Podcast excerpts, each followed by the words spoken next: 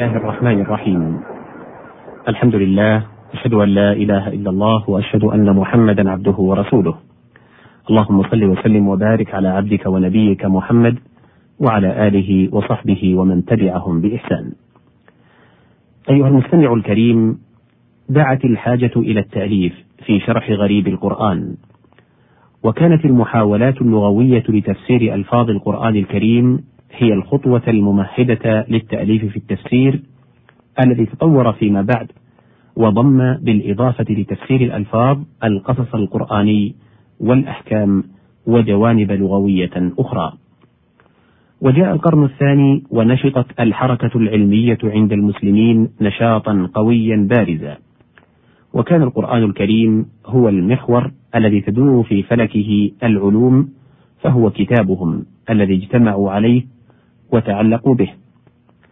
واستقل علم غريب القرآن وغدا علما بذاته وألف فيه كبار الآئمة والمفسرين والقراء واللغويين.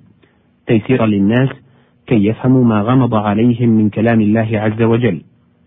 وتطور التصنيف فيه بما يلائم كل عصر وما زال الناس إلى عصرنا هذا يضعون فيه المصنفات. ونأتي على ذكر أشهر المصنفات في غريب القرآن وفقا للترتيب الزمني لوفاة أصحابها ذاكرين لمحة عن حياة أصحابها وتواريخ وفياتهم. وأهم هذه المصنفات إجابات ابن عباس رضي الله عنهما على أسئلة نافع ابن الأزرق أحد زعماء الخوارج المتوفى سنة خمس وستين للهجرة وتضم أسئلته إلى ابن عباس معاني نحو مئتي كلمة في القرآن الكريم أجاب عنها ابن عباس وشرحها بشواهد من الشعر.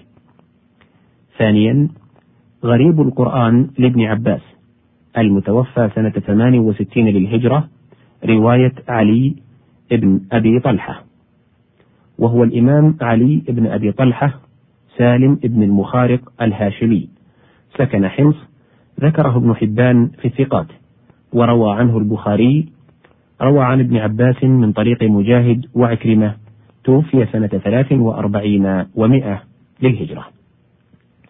وأقدم نص معروف عن هذه الصحيفة ما ورد في كتاب الناسخ والمنسوخ لأبي جعفر النحاس أحمد بن محمد بن إسماعيل المصري المتوفى سنة ثمان وثلاثين وثلاثمائة للهجرة. فهو يقول بعد أن أسند عن الإمام أحمد بن حنبل بمصر صحيفة في التفسير رواها علي بن أبي طلحة لو رحل رجل فيها إلى مصر قاصدا ما كان كثيرا. الثالث غريب القرآن رواية عن ابن عباس بتهذيب عطاء بن رباح أبي محمد التابعي المتوفى سنة أربع عشرة ومئة للهجرة. ومنه نسخة مخطوطة في مكتبة عاطف أفندي بتركيا رقم 2815 تقسيم اثنين. الرابع تفسير غريب القرآن المنسوب للإمام زيد بن علي بن الحسين بن علي بن أبي طالب الفقيه المفسر الخطيب. أدرك بعض الصحابة ولم يروي عنهم توفي سنة 22 ومائة للهجرة وفي صحة نسبة الكتاب إليه خلاف. ومنه نسخة مخطوطة في برلين رقم عشرة آلاف ومائتين وسبعة وثلاثين وفي ييل رقم أربعمائة وواحد وسبعين. الخامس غريب القرآن للإمام أبان بن تغلب بن رباح البكري الجريري القارئ المحدث الفقيه الأديب اللغوي النحوي المتوفى سنة إحدى وأربعين ومائة للهجرة. السادس غريب القرآن لمحمد بن السائب بن بشر بن عمرو بن الحارث أبو النضر المفسر الأخباري المولود في الكوفة والمتوفى بها سنة ست وأربعين ومائة للهجرة. السابع معاني القرآن للرؤاسي محمد بن الحسن بن أبي سارة أبو جعفر المقرئ النحوي اللغوي الشاعر أخذ عنه الكسائي توفي سنة سبعين ومائة للهجرة.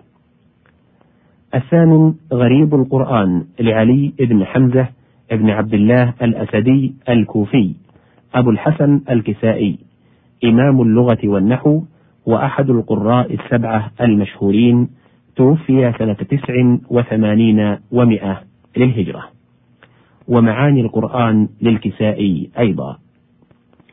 العاشر غريب القرآن لمؤرج ابن عمرو بن الحارث السدوسي البصري أبو فيد النحوي اللغوي الشاعر النسابة.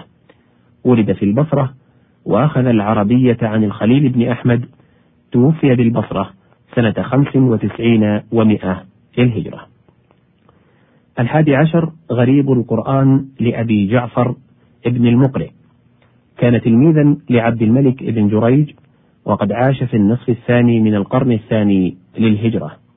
ومنه نسخة مخطوطة في مكتبة عاطف بتركيا رقم 2815 تقسيم اثنين. الثاني عشر غريب القرآن ليحيى بن المبارك ابن المغيرة العدوي أبو محمد اليزيدي العالم بالعربية والأدب من أهل البصرة. وكان له خمسة أولاد كلهم علماء أدباء شعراء. توفي بمرو سنة اثنتين ومائتين للهجرة.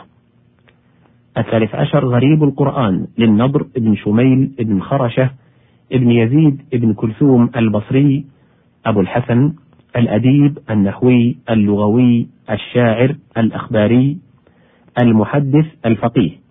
ولد بمرو ونشأ بالبصرة وأخذ عن الخليل بن أحمد توفي سنة ثلاث ومائتين للهجرة ومنه نسخة مخطوطة في المتحف البريطاني أول 821 الرابع عشر معاني القرآن لمحمد بن المستنير بن أحمد البصري قطرب أبو علي اللغوي النحوي. أخذ النحو عن سيبويه وغيره من علماء البصرة وتوفي ببغداد سنة ست ومائتين للهجرة. قال في كشف الظنون وعليه اعتماد القراء ولم يسبق إلى مثله. الخامس عشر معاني القرآن ليحيى بن زياد بن عبد الله بن منظور المعروف بالفراء. أبو زكريا الأديب النحوي اللغوي ولد بالكوفة وانتقل لبغداد وصحب الكسائي توفي سنة سبع ومئتين للهجرة والكتاب مطبوع. السادس عشر غريب القرآن أو مجاز القرآن لأبي عبيدة معمر بن المثنى البصري الأديب اللغوي النحوي العالم بالشعر والغريب والأخبار والنسب. توفي بالبصرة سنة عشر ومائتين للهجرة والكتاب مطبوع. السابع عشر معاني القرآن للأخفش الأوسط سعيد بن مسعدة أبو الحسن النحوي اللغوي العروضي أخذ عن سيبويه والخليل بن أحمد توفي سنة خمس عشر ومائتين للهجرة والكتاب مطبوع. الثامن عشر غريب القرآن للأصمعي عبد الملك بن قريب الباهلي أبو سعيد راوية العرب وأحد أئمة العلم باللغة والشعر والبلدان توفي بالبصرة سنة ست عشرة ومائتين للهجرة. وتتمة عرض كتب غريب القرآن الأولى والأخيرة ستكون إن شاء الله تعالى في الحلقة التالية بإذن الله. إلى ذلك اللقاء أستودعكم الله والسلام عليكم ورحمة الله وبركاته.